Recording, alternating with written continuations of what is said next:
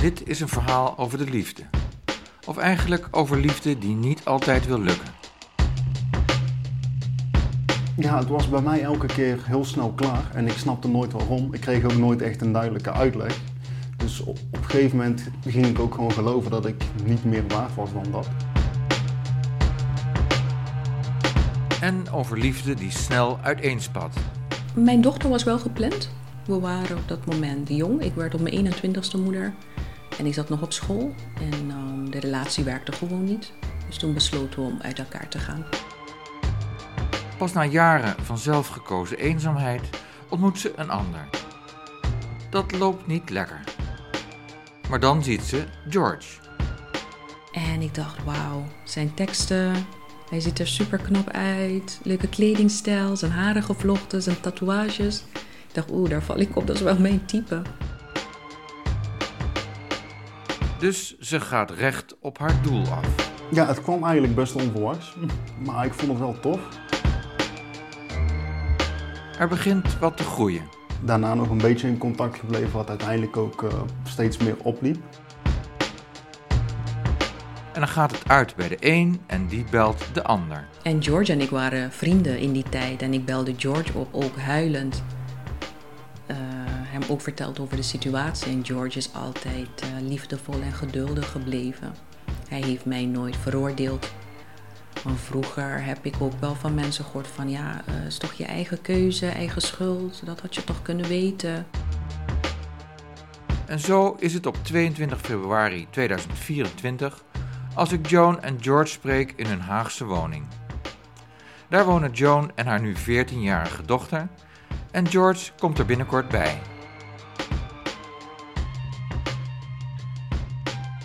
Liefde komt niet alleen, zou je kunnen zeggen. Verliefd worden is misschien nog het gemakkelijkste van het verhaal. Want hoe ga je ervoor zorgen dat de liefde blijft stromen? Dat is hard werken, vinden Joan en George. En dat komt ook omdat je barrières moet overwinnen uit je eigen verleden. Toen mijn eigen relatie stuk liep en ik alleen achterbleef met mijn dochter, dacht ik, ja, zie je wel, alle mannen zijn hetzelfde. Wat ik er misschien beter bij had kunnen vermelden, is dat ik denk dat dit ook echt teruggaat naar de hechting die je gehad hebt. En ondanks dat mijn ouders wel gewoon bij elkaar zijn en opa en oma ook nooit zijn gescheiden, kan ik niet zeggen dat mijn hechting helemaal geweest is zoals het had moeten zijn. Dit is deel 6 van Het Gemis, een serie over eenzaamheid van Peter de Ruiter.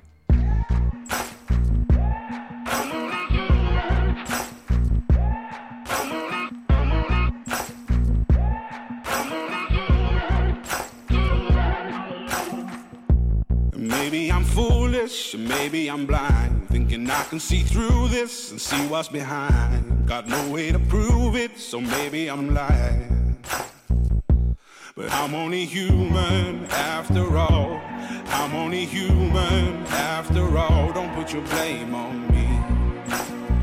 Don't put your blame on me. Take a look in the mirror. And what do you see? You see it clearer or are you deceived in what you believe? Cause I'm only human after all. And you're only human after all. Don't put the blame on me. Don't put your blame on me. Voor Joan begint het verleden als ze in 1988 wordt geboren op Curaçao. Mijn vader, zijn oma's kant is uh, van uh, Sint Maarten. En opa's kant is Nederland, uit Friesland. En mijn moeder komt van Curaçao. ik heb op Curaçao gewoond tot mijn veertiende.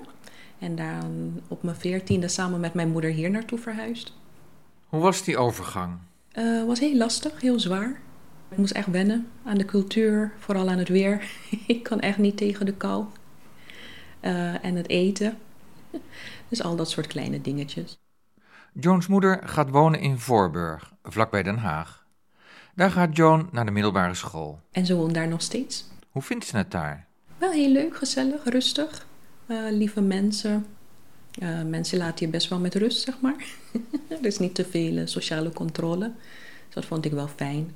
Dalton College was een hele superleuke school. Ik werd echt warm welkom geheten.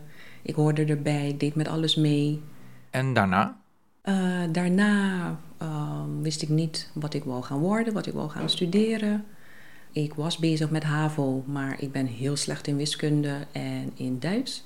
Dus toen koos ik ervoor om VMBOT te gaan doen. Toen ben ik toerisme gaan studeren in Den Haag aan het ROC Mondriaan. En uh, ja, die opleiding had ik gehaald. Ik vond een hele leuke opleiding, leuke meiden, waar ik nog steeds uh, contact mee heb, nog steeds vriendschap. Joan naar Nederland kwam, waren haar ouders al tien jaar gescheiden. Uh, mijn ouders zijn gescheiden toen ik vier jaar oud was. Daar is ook gewoon heel veel gebeurd. Achter gesloten deuren. Het was gewoon geen goede, gezonde huwelijk. Ik hou heel veel van beide ouders. Ik respecteer hun. Als kind vond ik het heel jammer en heel pijnlijk dat ze zijn gescheiden. Maar sinds vier jaar oud keek ik naar het huwelijk, relaties van... Hmm, als dit het huwelijk is, als dit het voorbeeld is dat ik mee heb gekregen, dan wil ik het niet. Ook uh, meerdere familieleden of uh, vriendschappen later. Uh, mensen komen bij elkaar en daarna gaan ze scheiden. En dat vond ik altijd heel erg jammer. En toen mijn eigen relatie stuk liep en ik alleen achterbleef met mijn dochter, dacht ik, ja, zie je wel, alle mannen zijn hetzelfde. Het huwelijk is gewoon, ja, maar een papiertje, het is niet serieus. Ik wil het niet, ik blijf alleen. Ik was ook jong, ik werkte, ik zat nog op school, ik had niet eens tijd voor een relatie. Mijn focus lag echt op mezelf en mijn dochter. Ik werd gewoon heel verdrietig, heel somber, depressieve periodes gehad. Um, alleenstaande moeder zijn is echt heel zwaar.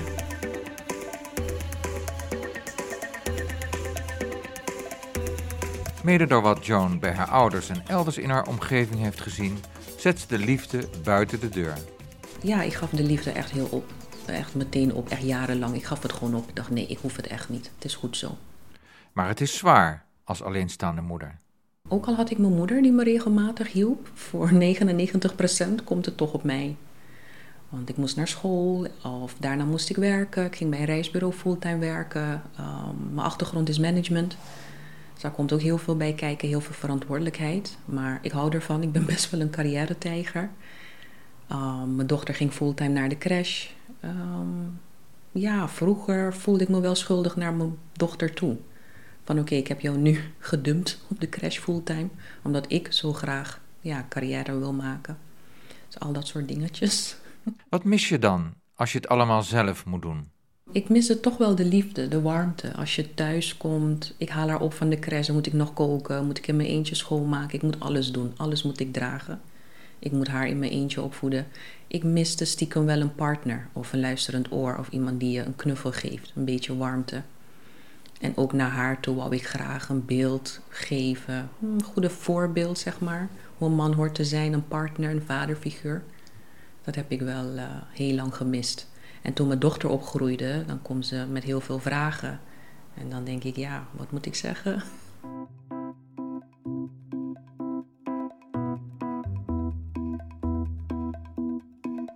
Een partner is om verschillende redenen een goed idee, maar Jones' ervaringen houden haar tegen.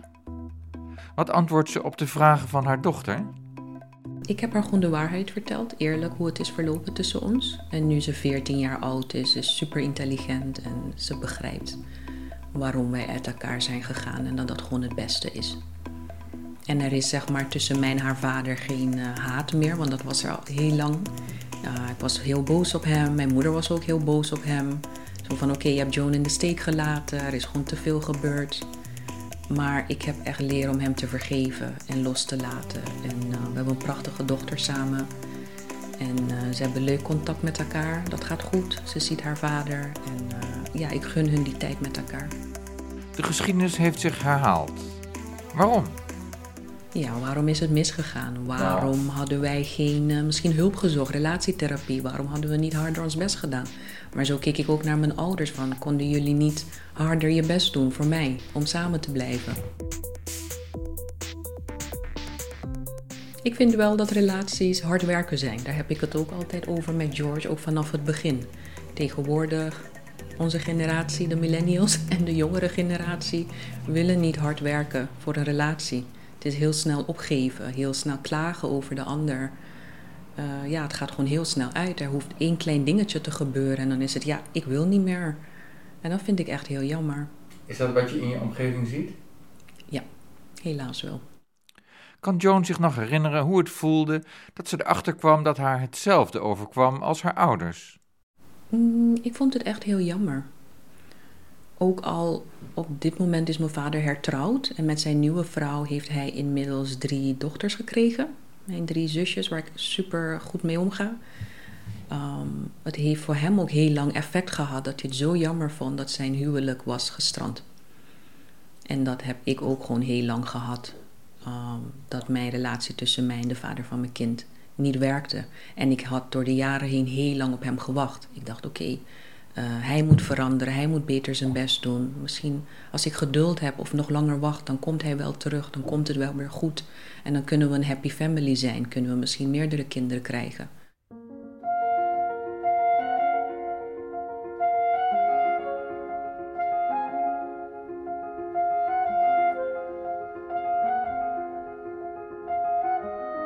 Als Joan in een depressie belandt, zoekt ze psychologische hulp. Ik heb ook gewoon heel veel geleerd in therapie door de jaren heen. Echt het loslaten, het vergeven. Ook um, niet constant met een vinger wijzen naar een ander. En daar was ik ook een superster in. Maar ook kijken naar mezelf van oké, waar ben ik fout? Ik heb geleerd echt te kijken naar uh, hoe ik naar mannen kijk. Heel um, slechte, verkeerde beeld van mannen. Um, ik haatte ook mezelf. Um, dus ik heb ook echt moeten leren van mezelf te houden, zeg maar. Uh, mezelf te vergeven, een ander te vergeven. Ik denk ook door kerk, door echt te kijken naar uh, huwelijken binnen de kerk. Wel goede, gezonde huwelijken. En daar vragen over te stellen en uh, dat er daar open over wordt gepraat. Door de jaren heen ging mijn beeld wel veranderen van huwelijk en relaties. Joan is lid van de Evangelische Gemeente in Den Haag. Ze komt er mensen tegen die een harmonieus huwelijk hebben. Dat laat haar zien hoe het anders kan. Ook vanuit de kerk staat het onderwerp op de agenda. Bijvoorbeeld in de maand februari, dan was het vaak de maand van de liefde. Dan gingen de pastors uh, praten. Of uh, je kon vragen stellen. Of uh, kwamen gastsprekers praten over relaties omdat er gewoon heel veel uh, gebroken mensen zijn, gebroken gezinnen. En kerk wou echt wel in ons investeren. En dat wij leren hoe uh, relaties in elkaar zitten. Wat een gezonde relatie is, hoe God het wou. Joan schrijft gedichten. En in een van die gedichten geeft ze haar visie op een relatie die, laat ik het voorzichtig zeggen, niet ideaal is. Ze draagt het gedicht voor tijdens een poëziebijeenkomst in Rotterdam in 2023. Mijn lichaam is niet jouw emotionele boksbal. Mijn lichaam is niet jouw pretpark. Mijn lichaam is niet jouw grabbelton. Mijn lichaam is niet jouw bezit. Mijn lichaam is geen schaakstuk in jouw politieke spel. Mijn hoofd is niet de plek om jouw vieze voeten af te komen vegen. Mijn hoofd is niet jouw gratis therapiesessie. Klaar. Punt. Wanneer is Joan begonnen met het schrijven van gedichten? Tijdens de coronapandemie met de lockdowns. Uh, ik heb nog nooit iets van een workshop gedaan. Ik ben daar niet professioneel in. ik vind iemand als George bijvoorbeeld echt een heel stuk verder. En die doet ook echt mee aan slams en al dat soort dingen. en in januari heeft hij een slam gewonnen. Wat is een slam? Poetry Slam is uh, een wedstrijd en uh, wie ze het beste vinden, het publiek of de jury, die uh, gaat dan winnen. George en ik hebben elkaar vorig jaar ontmoet tijdens ja, ook zo'n poetry avond, zo'n spoken word avond, weer in Rotterdam. George ging voor mij, volgens mij was hij aan de beurt op het podium. En ik dacht, wauw, zijn teksten, hij ziet er super knap uit. Leuke kledingstijl, zijn haren gevlochten, zijn tatoeages. Ik dacht, oeh, daar val ik op, dat is wel mijn type. En um, na afloop van zijn optreden zei de host dat hij een dichtbundel had uitgebracht. En ik dacht, oh wauw, ik heb wel interesse in zijn dichtbundel. Dus na afloop, uh, ja, ging gewoon bij George zitten en uh, een praatje met hem maken. Ik stapte op hem af, maar gewoon puur vriendschappelijk en puur om een compliment te geven. Dat ik hem zo, ja, zo ontzettend cool vond en stoer. En wat een geweldige tekst. Ja. Wie is George? Ik ben uh, George van Loon, opgegroeid in uh, Tilburg-Noord, 28 jaar. En ik ga binnenkort uh, hier naartoe verhuizen. George woont nu in Goorle, in de buurt van Tilburg. En hij heeft roots in Ghana. Waar hadden Joan en George zo al contact over toen ze elkaar nog niet zo goed kenden? Het ging ja, eigenlijk over van alles en nog wat. Want eerste waar ze echt ja, heel enthousiast op reageerde was zeg maar een post van mij over een gastles die ik net had gegeven. Want ik geef, ja, ik geef dan af en toe gastlessen en dat was de tweede keer dat ik op de universiteit heb gestaan in Tilburg. Dus daar had ik wel uh, iets van achtergelaten op Instagram. En wat sprak Joan verder aan in George? Zijn kwetsbaarheid, openhartig. Gaat ook over wat hij heeft meegemaakt op het gebied van mentale gezondheid. Maar ik denk, ik laat de rest aan hem over of hij daarover uh, wil praten. Heeft de poëzie een handje geholpen? Ik denk wel dat het mij helpt. Maar niet echt heel veel, misschien een klein beetje.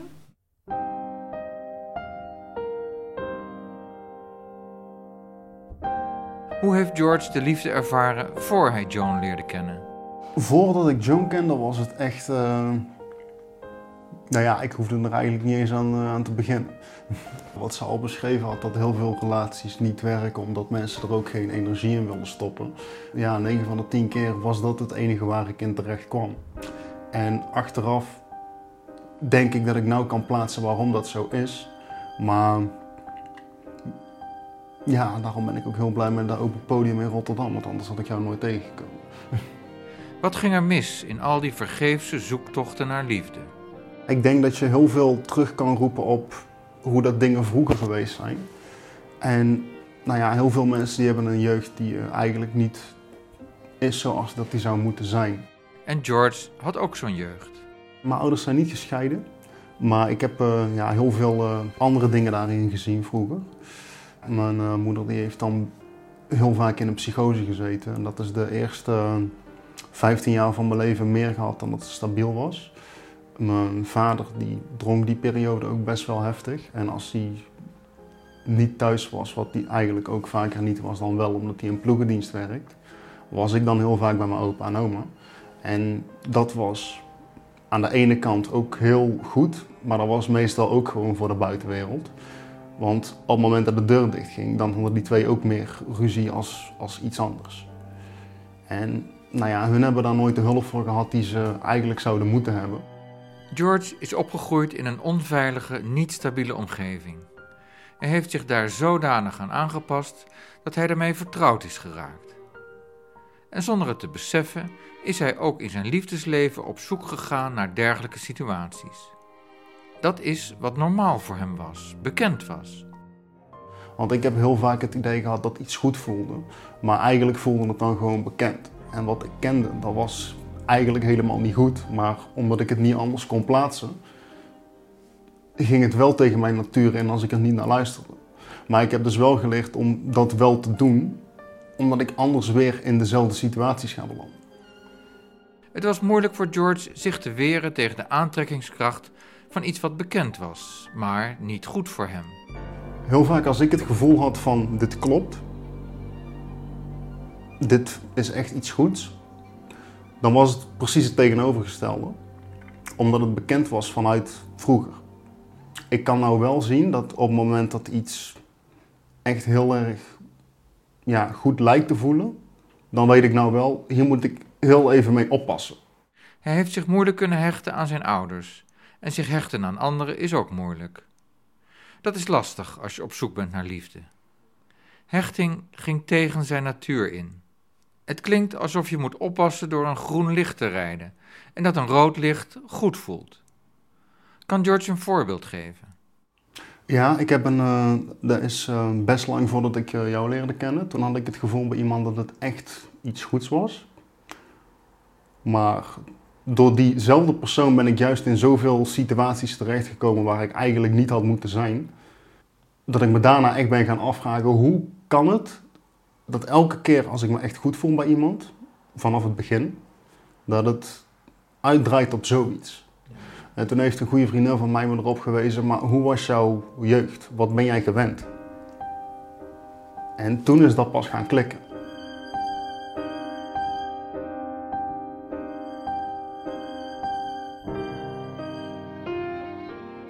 als iets goeds leek te voelen, dan voelde het als bekendheid. Maar ik kon het verschil niet echt plaatsen.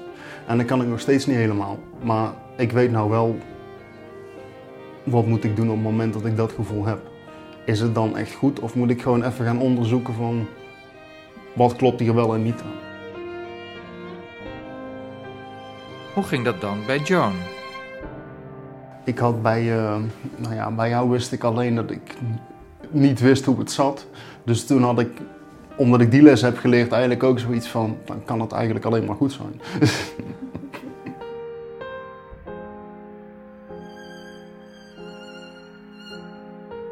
George is in therapie. En in therapie leer je ook patronen herkennen, schema's waar je in vastzit, uh, je systeem waar je, waar je uitkomt. Bepaalde schema's, patronen moet je ook leren doorbreken. Uh, therapie is niet uh, voor de zwakkelingen, als ik het zo mag zeggen. Sorry. Het is echt keihard werken. Je moet het echt willen. Echt gemotiveerd zijn. En er zijn weinig mensen die uh, bereid zijn om echt voor lange perioden daar doorheen te gaan. Heel veel mensen proberen het, haken na een paar sessies af. Maar bijvoorbeeld in mijn geval heeft het echt uh, 2,5 jaar geduurd. En daarvoor ook uh, twee keer een jaar.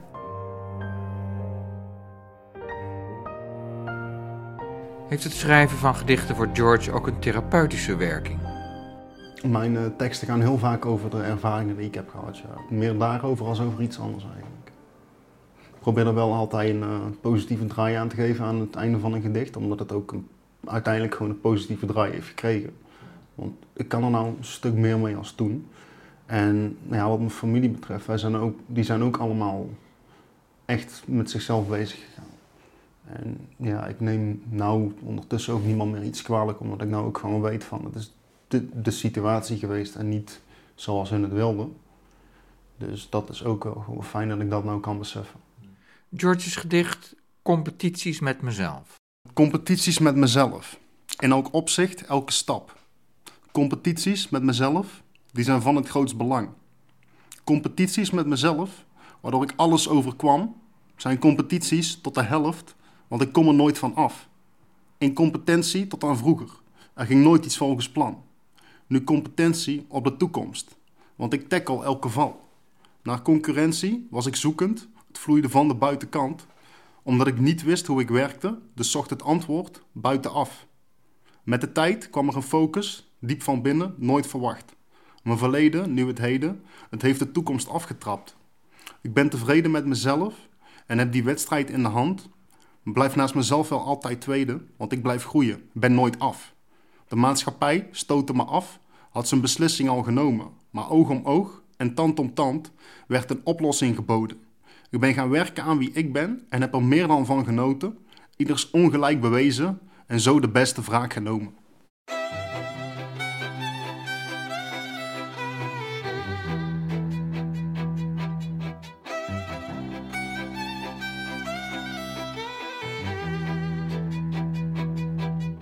Vlak voor dit interview zijn Joan en George op controle geweest bij een verloskundige. Joan is 15 weken zwanger. De baby wordt begin augustus verwacht. Het stel is inmiddels verloofd. Is het een moeilijke stap om straks een kind welkom te heten? Nee, het voelde heel vertrouwelijk aan. Ik had er alle vertrouwen in. Um, en George is echt zo hard aan het werken om uh, ja, alles in uh, Tilburg, zeg maar, uh, op te zeggen, op te geven. En om te verhuizen naar Den Haag. Ik was aan het begin heel koppig. Ik zei: Nee, ik heb mijn baan hier, mijn leven, mijn huis, mijn dochter. Jij moet maar lekker hier naartoe komen. Ik ga niet naar Tilburg toe, wat denk je wel? Dus ik was aan het begin wel een beetje kattig en koppig en streng. En van uh, nee, nee, dit is hoe we het gaan doen. It's my way or the highway. Gelukkig is George altijd uh, rustig en relaxed en geduldig gebleven en uh, begripvol. En ook naar mijn dochter toe. En ook mijn moeder. En ja, mijn dochter ook naar George toe. En die kijkt ook de kat uit de boom. En hmm, zorgt hij wel goed voor mama. En ze is heel beschermend naar mij toe. En de baby. Hoe voelt het voor George om vader te worden? Het uh, voelt echt onrealistisch op een hele leuke manier. ze belde me een keer om half zeven in de ochtend volgens mij wakker. In eerste instantie had ik zoiets van, wat gaan we nou krijgen? Maar toen zei ze dat en toen wist ik dat ik ook in de ochtend gewoon in één keer wakker kan zijn. Ja, ze zei dat ze zwanger was. Ik denk, oh, oké. ja, het zal een hele grote verandering zijn, maar het is er wel eentje waar ik echt naar uitkijk. George kan ook in Den Haag in de mentale gezondheidszorg werken, zoals hij dat ook doet in Tilburg. Wat vindt de dochter van Joan, die er ook in huis woont, er allemaal van? Aan het begin dacht ik, ze is een tiener, heeft ze hier wel zin in. Maar ze stelde meteen vragen, ze reageerde heel leuk. Al heel lang, sinds een kleine meisje is, um, zou ze heel graag een broertje of zusje willen. Dus dat maakt het nu extra leuk voor mijn dochter. Toen ik vertelde dat ik zwanger was, toen eh, werd ze emotioneel, ze wel een paar tranen laten. En uh, ze houdt van mij, ze houdt van de baby. Ze zegt, mama, ik bid elke dag voor de baby, ook haar vriendinnen. Ze geeft me kusjes op mijn buik, ze zorgt goed voor mij. Mama, gaat het? Uh, moet je even zitten, weer wat drinken?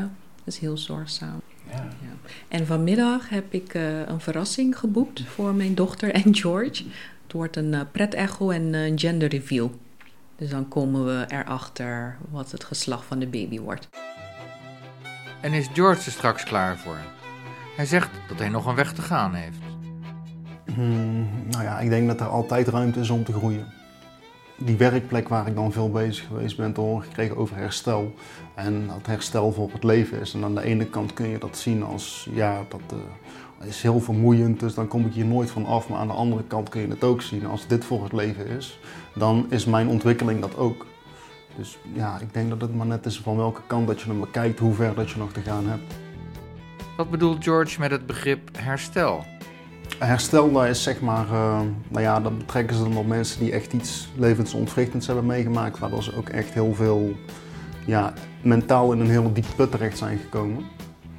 En daarom zeggen ze herstel is voor het leven, omdat het wonden zijn die, ja, die je waarschijnlijk nooit helemaal dicht zult krijgen. Maar als herstel voor het leven is, dan is groei dat ook. Dus ik bekijk het ook liever op die manier, want dan blijft er voor mijzelf ook altijd ruimte om te groeien als persoon. En als ik zeg hier is het klaar, ja, dan kan het wel zo zijn, maar dan blijf ik ook stil waar ik ben en dat hoeft helemaal niet. En wij, de millennials, eh, vergeleken met de boomers, ik heb niks tegen de boomers, maar wij proberen echt gewoon te leren, in therapie te gaan, aan onszelf te werken. We willen dingen doorbreken, we willen het graag anders doen, we willen groeien, veranderen, dingen leren. Ook voor de volgende generaties. Ook echt voor mijn dochter, want ze is nu 14 en soms heb ik het met haar over therapie of vraag ze: Mam, hoe was therapie? En achteraf zegt ze: Ik ben zo blij en dankbaar dat jij zo'n moderne, sterke moeder bent. En eerlijk en dat je aan jezelf hebt gewerkt en dat je dat doet voor mij. En nu ik zwanger ben, is het weer een volgende generatie die eraan komt: generatie Alpha.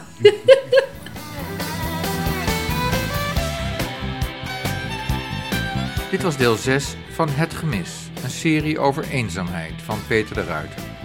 Dank voor het luisteren. Klik voor meer informatie naar luisterdoc.nl.